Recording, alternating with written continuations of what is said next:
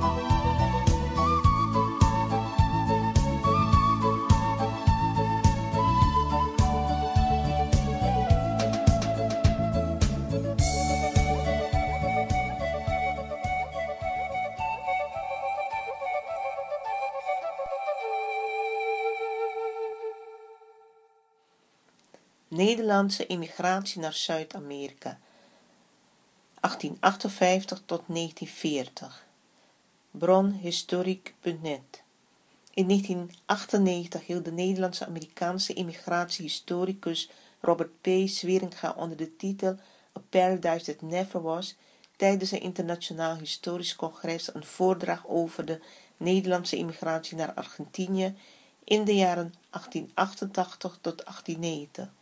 Hij concludeerde dat deze immigratiebeweging een individuele beweging was die werd ingegeven door een zoektocht naar werk en handel en werd aangemoedigd door het ontvangende land.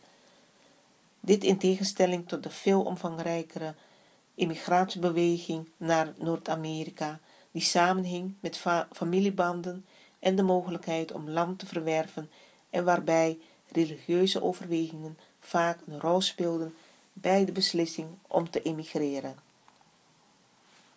Sweringa's conclusies zijn ook van toepassing op de immigratie die zich eerder in de jaren 1858 tot 1862 en later tussen 1908 en 1913 heeft voorgedaan en die zich richtte op Brazilië. De drie emigratiegolven die zich voor 1940 hebben gericht op Zuid-Amerika hadden enkele zaken gemeen. Georganiseerde propaganda vanuit het land van bestemming, al dan niet ondersteunde lokale agenten die immigranten ronselden met de belofte van een gratis overtocht en de belofte van land onder gunstige afbetalingsvoorwaarden. Dus hetzelfde wat in Amerika zo wat gebeurde, gebeurde in Zuid-Amerika. De inheemse bevolking had daar ook niets, totaal niets meer te zeggen. De staat van rechtstreekse bootverbindingen naar Zuid-Amerika. Individuele immigratie zonder familiebanden en kerkelijke leiders. Overgeleverd zijn aan de grillen van lokale grondeigenaren en koloniedirecteuren. Dus u ziet het, de ongelijkheid tussen het gewone volk en koloniedirecteuren of dictators, hoe men dat wil noemen. Slechte voorzieningen ter plaatse, onvoldoende capaciteiten als landbouwer. Dus de mensen kregen eigenlijk een mogelijkheid om in een ander land een nieuw leven op te bouwen. Maar het ging ook niet makkelijk te, gepaard. Maar uh, ja, sowieso is het allemaal niet goed te praten. Zeeuwen in Espirito Santo, 1858 tot 1862. De emigratiegolf van 1858 tot 1862 voltrok zich vooral in Zeeland. In totaal 774 landverhuizers uit Schouwen-Duiveland, Zuid-Beveland en West-Zeeuws-Vlaanderen trokken in die jaren naar Brazilië. De emigratie werd aangemoedigd door de in 1855 opgerichte ACC, die met behulp van het Antwerpse immigratiekantoor Steinman Co. propaganda maakte op het, of Steinman Co. propaganda maakte op het Zeeuwse platteland. In het wervingsfolder werd gesproken over een vrije overtocht, een stuk ontgonnen grond van bijna 10.000 vierkante meter, een comfortabel huis, een kleine koffieplantage, er was mais, maniok en bonen geplant, kippen en varkens aanwezig om een veehouderij te beginnen en alle andere producten die nodig waren voor de eerste oogst. De opbrengst kon men vervolgens gebruiken voor het afbetalen van de verstrekte voorschotten. De voorgespiegelde vooruitzichten wakkerden in de Zeeuwse dorpen de Braziliaanse koortsen aan. Landarbeiders zonder grond zagen een schitterende mogelijkheid voor zich om boer te worden en eigen grond te verwerven. Op 20 mei 1858 kwam de eerste groep immigranten uit Schouwen-Duiveland en Zuid-Beveland aan in Rio de Janeiro. Zij werden overgebracht naar Pau d'Alto, Alto in Espirito Santo. Het aan hen toegewezen land was nog oerwoud en de hen voorgespiegelde comfortabele woningen waren niet meer dan hutjes met palmbladeren als dak.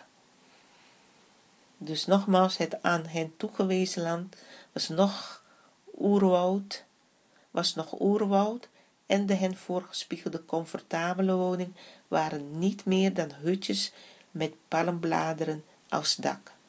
De kolonisten werden bovendien geteisterd door malaria en andere tropische ziekten. Van de 176 personen die gezond in Pau waren gearriveerd, waaronder 60 zeeuwen, was in november 1858 al meer dan de helft gestorven. De meeste Zeeuwse landverhuizers verlieten na enkele jaren de kolonie. In 1866 waren er nog slechts negen Zeeuwen overgebleven. De 73 immigranten, immigranten die zich in de Colonia Militar do Urucu, Urucu vestigden, verging het niet veel beter. Onder de immigranten bevonden zich ook ontslagen arbeiders die gewerkt hadden bij de aanleg van het kanaal door Zuid-Beveland.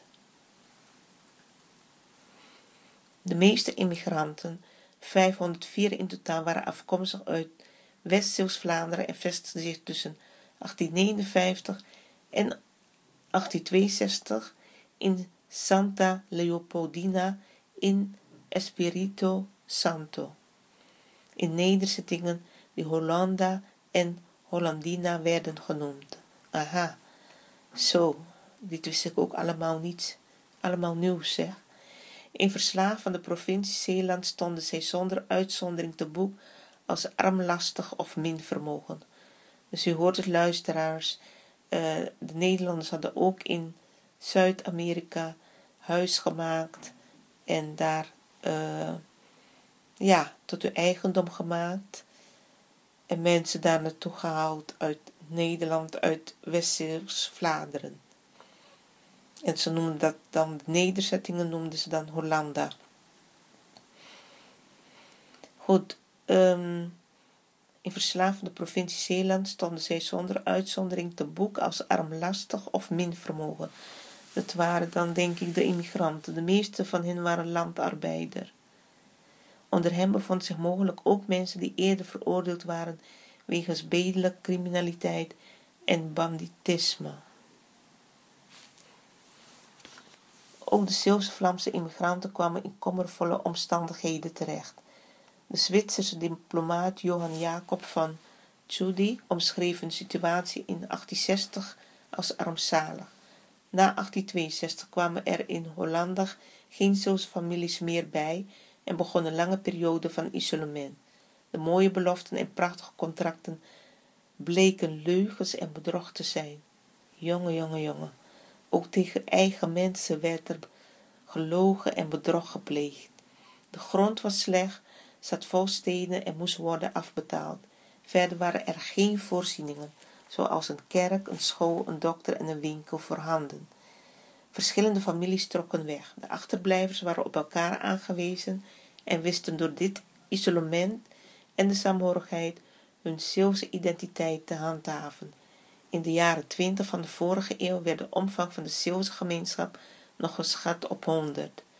In die jaren was er nog contact via de Nederlandse zending, maar die ging daarna verloren om pas in de jaren zeventig weer te worden hersteld.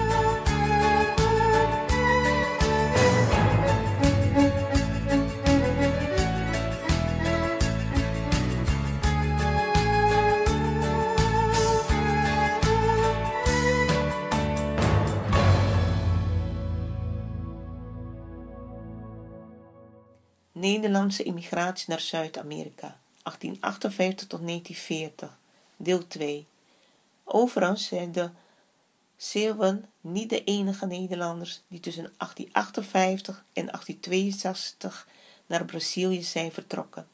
Blijkens een door Zweringa opgemaakte lijst van immigranten die tussen 1835 en 1880 naar Zuid-Amerika zijn vertrokken, emigreren in diezelfde periode 204 personen uit Gelderland en 46 uit Overijssel naar Brazilië.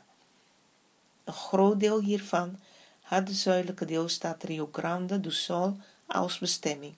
Overigens kwam ook een belangrijk deel van de Zeeuwse immigranten uit Schouwen-Duiveland en Zuid-Beveland daar terecht. Immigratie naar Argentinië 1889 tot 1892 Dertig jaar na het begin van de eerste Zuid-Amerikaanse immigratiegolf deed zich een nieuwe voor. Dit keer was Argentinië het land van bestemming. Ook de Argentijnse regering voerde een actief beleid om in Europa immigranten te verwerven of te werven. Al in 1871 opende het land een immigratiebureau in Antwerpen. In 1888 begon de regering met het werven van boeren op de Pampas te bevolken. Gobernar y Pobla Regeren is bevolken was in die jaren in Argentinië een populaire leus. De Argentijnse regering subsidieerde volledig de overtocht van Europese immigranten tot 60 jaar. Tevens werd goedkoop land in het vooruitzicht gesteld en werden in grote steden speciale immigranten, immigrantenhotels ingericht. In Nederland was het tij gunstig voor immigratie. Door de goedkome graanimporten uit de Verenigde Staten werd de Nederlandse akkerbouw zwaar getroffen door een landbouwcrisis. Deze crisis was vooral merkbaar in akkerbouwstreken in Groningen, Friesland en Zeeland. De Argentijnse regering deed er daarom ook alles aan om een deel van de potentiële immigranten die voor het merendeel naar Noord-Amerika vertrokken, te bewegen om voor haar land te kiezen. De overtocht naar Argentinië werd mogelijk gemaakt door de start in december 1888 van de stoombootverbinding op Buenos Aires van de Nederlands-Amerikaanse stoomvaartmaatschappij NASM, voorloper van de Holland American Line HAL. In totaal immigreerden tussen 1888 en 1891 4.474 Nederlanders naar Argentinië, waarvan het merendeel afkomstig was uit Groningen, Friesland en Zeeland. Van hen waren 3.742 emigranten, 84% van het totaal zogenoemde kredietpassagiers. Ook het merendeel van de circa 13.000 Belgen en 64.000 Fransen arriveerden in die jaren dankzij de door Argentinië beschikbaar gestelde kredietpassages. Ja, dus als u hoort over het land Argentinië, ook in Zuid-Amerika, dan weet u hoe dat gaan is met de Europese immigratie daar naartoe.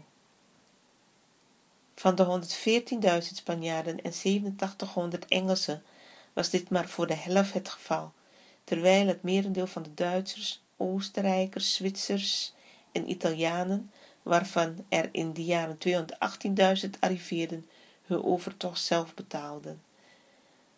Ja, dus Nederland, Frankrijk, België, Spanje, Engeland, Duitsland, Oostenrijk, Zwitserland, Italië. Allemaal hebben ze de overtocht gemaakt naar Zuid-Amerika. Ook daar heeft men huis gehouden en gedaan ook alsof het land van hun was, het continent van hun was. Jonge, jonge, jonge, niet normaal. Het Argentijnse streven om vooral boeren aan te trekken werd echter niet bewaarheid. Circa 40% van de immigranten was geen boer, maar ambachtsman of losse arbeider. De meeste immigranten werden te werk gesteld op het platteland bij grootgrondbezitters. Door de erbarmelijke leven- en werkomstandigheden stierf een derde van de kolonisten door ziekte, honger of armoede. Ja, dus dat is ook gebeurd. Ze konden niet aarden daar en vanwege problemen zijn er ook heel veel overleden.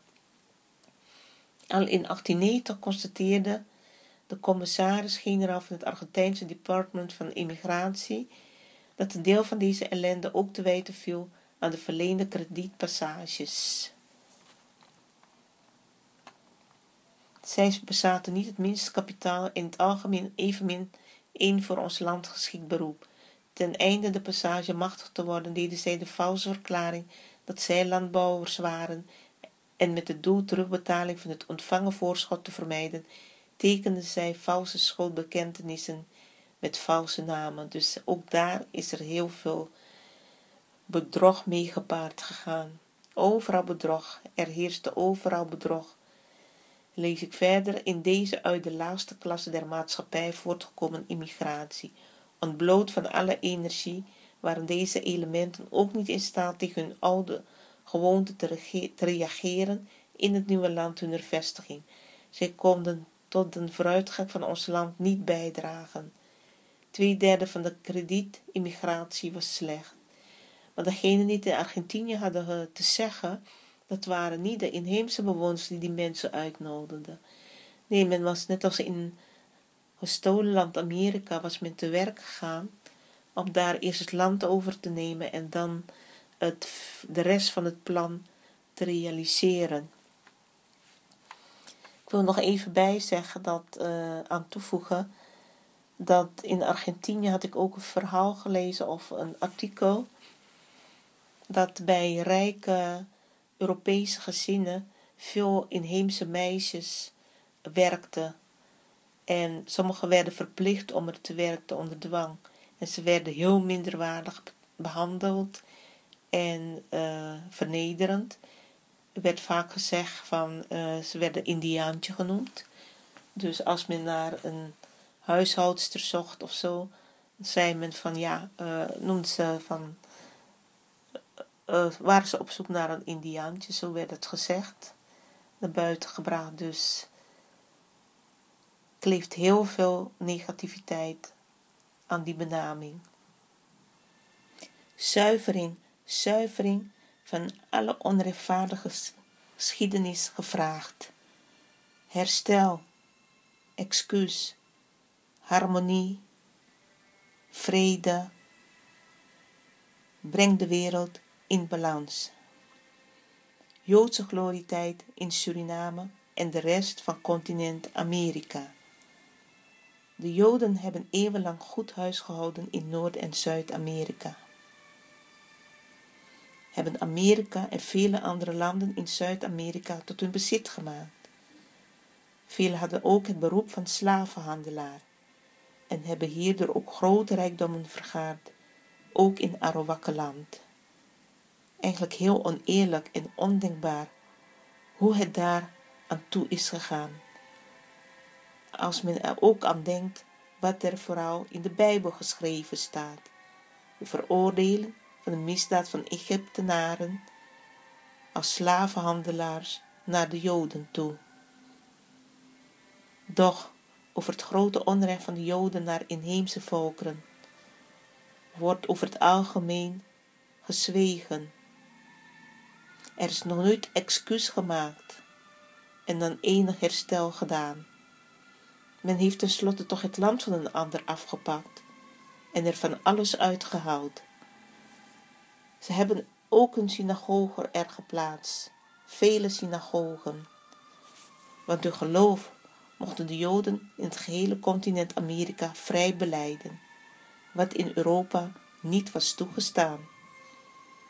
Vele mannen hebben het slim gespeeld en zijn ook met inheemse vrouwen getrouwd, zodat er een verbastering en cultuurverlies van het inheemse volk kon ontstaan. Dit is natuurlijk niet overal zo aan toegegaan.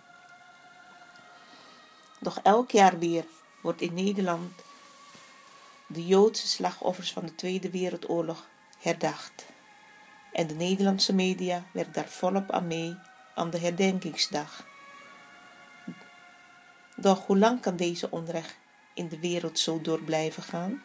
Of vinden ze zelf het leven van een ander volk minder waard? Het is over het algemeen een volk dat wereldwijd om respect en rechtvaardigheid vraagt.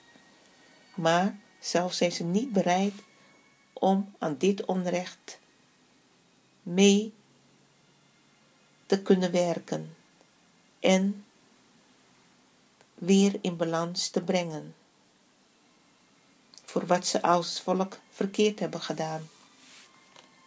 Zij zouden juist toch beter moeten weten hoe het voelt onrechtvaardig en minderwaardig behandeld te worden. Het wordt eens tijd dat ze zelf aan zelfreflectie gaan doen en ook hun onrechtvaardige misdaden naar anderen gaan erkennen en verbeteren. Erkenning van de waarheid,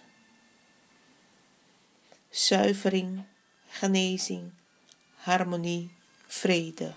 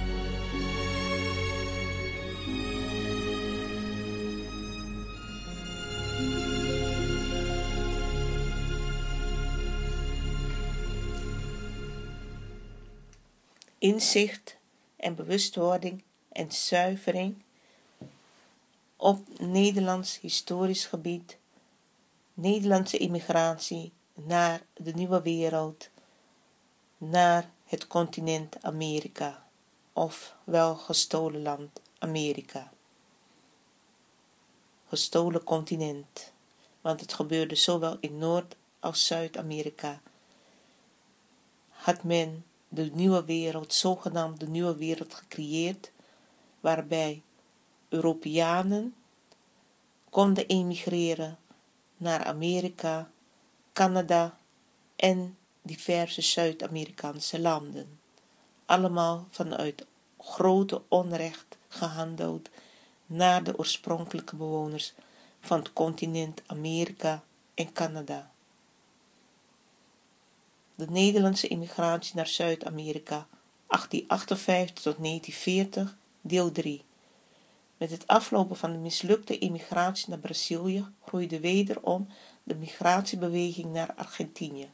Van 1950 tot en met 1917 vertrokken 2200 Nederlanders naar dit land.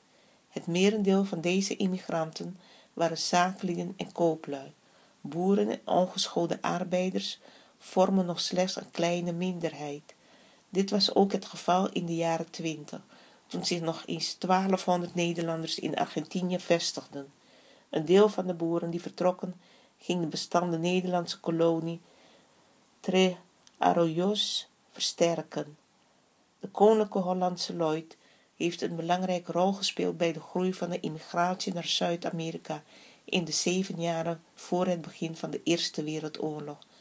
We kunnen constateren dat vanaf 1907 de KHL deze migratiebeweging volledig voor zijn rekening heeft genomen. Het merendeel van de migranten waren afkomstig uit Duits achterland. In 1910 liep het aantal landsverhuizers dat via de KHL vertrok sterk terug. Oorzaak was het feit dat de Braziliaanse overheid geen vrije passages meer verstrekte. Dit was een tijdelijke dip, die zich daarna weer herstelde, terwijl de Nederlandse immigratie stabiel bleef op het laag niveau van circa 250 per jaar, was het herstel vooral toe te schrijven aan het feit dat met name Duitse immigranten nog wel gebruik konden maken van door de Braziliaanse overheid verstrekte passages. Waar zijn de immigranten gebleven? Voor het merendeel van de immigranten naar Brazilië en Argentinië geldt dat ze niet in staat waren om terug te keren vanwege hun kommervolle leefomstandigheden. Van hen die naar Europa terugkeerden, is waarschijnlijk een deel na enige tijd opnieuw geëmigreerd en ditmaal naar Noord-Amerika. Illustratief zijn in dit geval de lotgevallen van de familie Drent uit Westerlee in Oost-Groningen, Antco Drent, zijn vrouw Reine Dijk en hun drie kinderen immigreerden in 1889 naar Argentinië. Zij kwamen afhankelijk op de Pampas terecht. Toen Antco als gevolg van de crisis in Argentinië werd ontslagen, begon het gezin een zwerftocht door Argentinië op zoek naar een nieuw bestaan. Toen die ook niets opleverde, kwamen zij in 1891 op een koffieplantage in Brazilië terecht. Antco Drent en twee van hun kinderen zijn daar gestorven. Met financiële hulp van familie en bekenden keerde Reiner Dijk met twee kinderen in november in 1893 terug naar Nederland. In 1905 en 1906 immigreerden zij naar Michigan in de VS. Erkenning van de waarheid, zuivering, herstel, harmonie. Excuus van Afro-Surinaamse kinderen in inheems klededracht in het Oosterpark. Respect zorgt voor harmonie en bedrog voor strijd. Wij Afrikaanse Surinaamse kinderen bieden ons excuus aan aan de eerste bewoners van Suriname. Wij hebben respect voor alle culturen en willen niet meedoen aan cultuurkaping. Wij schamen ons hiervoor. Het zijn de volwassenen die voor gezorgd hebben dat wij in inheems klededracht gekleed gingen in het Oosterpark op 1 juli van de slavernijbevrijding. Wij willen vanuit een nieuwe generatie respect tonen voor alle volkeren en solidair zijn met elkaar. Dat is waar wij, nieuwe jonge generatie, een nieuw leven, een betere wereld mee willen creëren. Nogmaals, wij bieden ons excuus aan aan de eerste bewoners van Suriname, de oudsten, de voorouders, en dat wij voortaan respect zullen tonen en hun op de eerste plaats zullen plaatsen, want tenslotte zijn zij de oorspronkelijke bewoners van Suriname. En ik hoop dat wij de volwassenen hiermee een voorbeeld aan kunnen geven. Dat wij jongeren als voorbeeld dienen hoe het hoort te zijn. Alles staat in verbinding met elkaar. Alles staat met elkaar in verbinding. Spirituele boodschap ontvangen vanuit de geestelijke wereld toen ik zat na te denken omtrent de turbulente situatie momenteel in de wereld en in het land omtrent het coronavirus. En of het eigenlijk nog zin heeft mijn missie voor te zetten. Dit was op woensdag 14 april. Ik ben dank, zeer dankbaar voor de boodschap die ik gekregen heb. Radio Surimama richt zich op het heden, het verleden en de toekomst, want alles staat in verbinding met elkaar. Onrechtvaardige misdaden naar elk volk dienen altijd hersteld te worden. Gebeurt dit niet, dan zal de moedergeest van het land altijd van zich laten horen. Als men weigert de ziel van het land te genezen, dan zullen er ook steeds andere wonden ontstaan, waardoor de genezing langer gaat duren. Daarna zullen de kinderen van het volk dat weigert aan herstel te werken, hen vroeg of laat om verantwoording vragen met betrekking tot hun misdaden. De wereld staat nu langer dan één jaar op zijn kop en er is nog steeds geen goed vooruitzicht, want de problemen blijven zich voortzetten rond het coronavirus.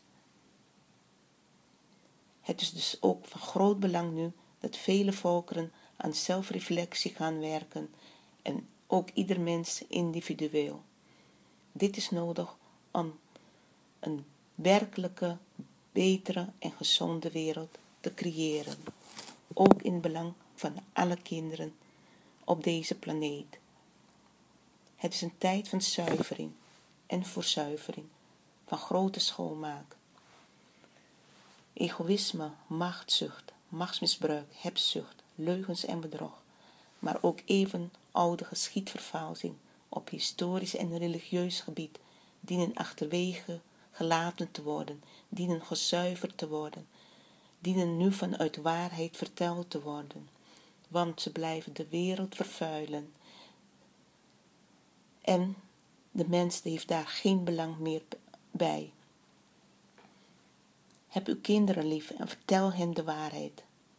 Europa, het is tijd om eeuwenlange fouten, misdaden naar inheemse volkeren te erkennen. Het rechtvaardige universum en moeder natuur wacht op jullie. Jullie kinderen wachten op jullie. Afrikanen, Arabieren, Aziaten. Blijf het geschiedenis onrecht, of blijft de geschiedenis onrecht van de Europeanen naar continent Amerika niet verder voeden. Spreek ook de waarheid en help de wereld weer in balans te brengen. Help weer werkelijke harmonie en vrede in de wereld te brengen. Heb respect voor Moeder Aarde. Spreek ook de waarheid en help de wereld in balans te brengen. Niemand weet hoe lang we deze wereld nog hebben.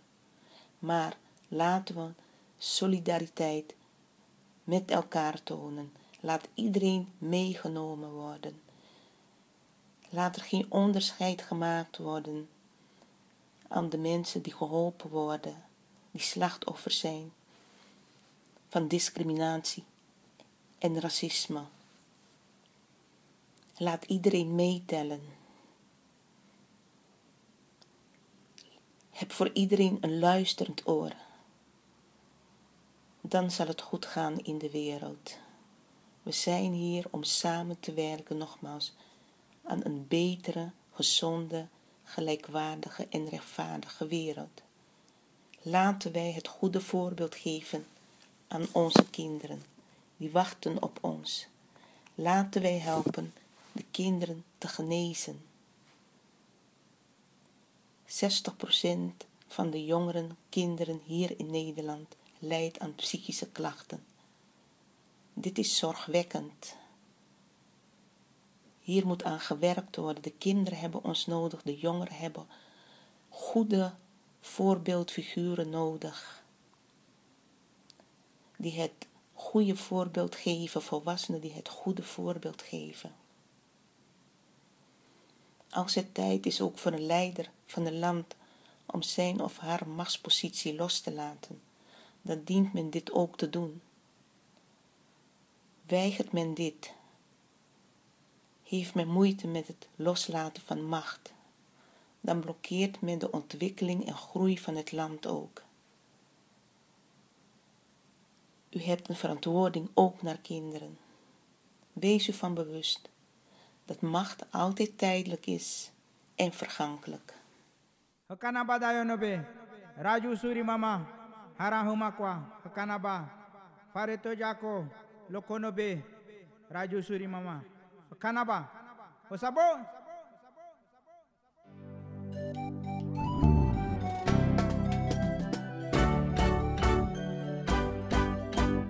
Dayo nobe, Kanabate.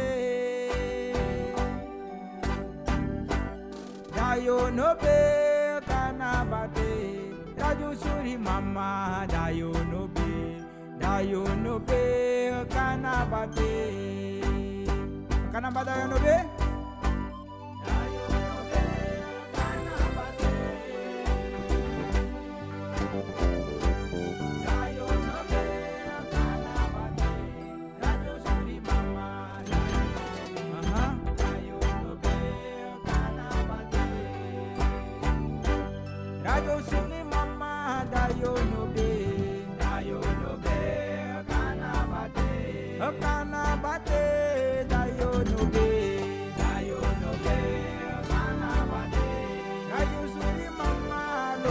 No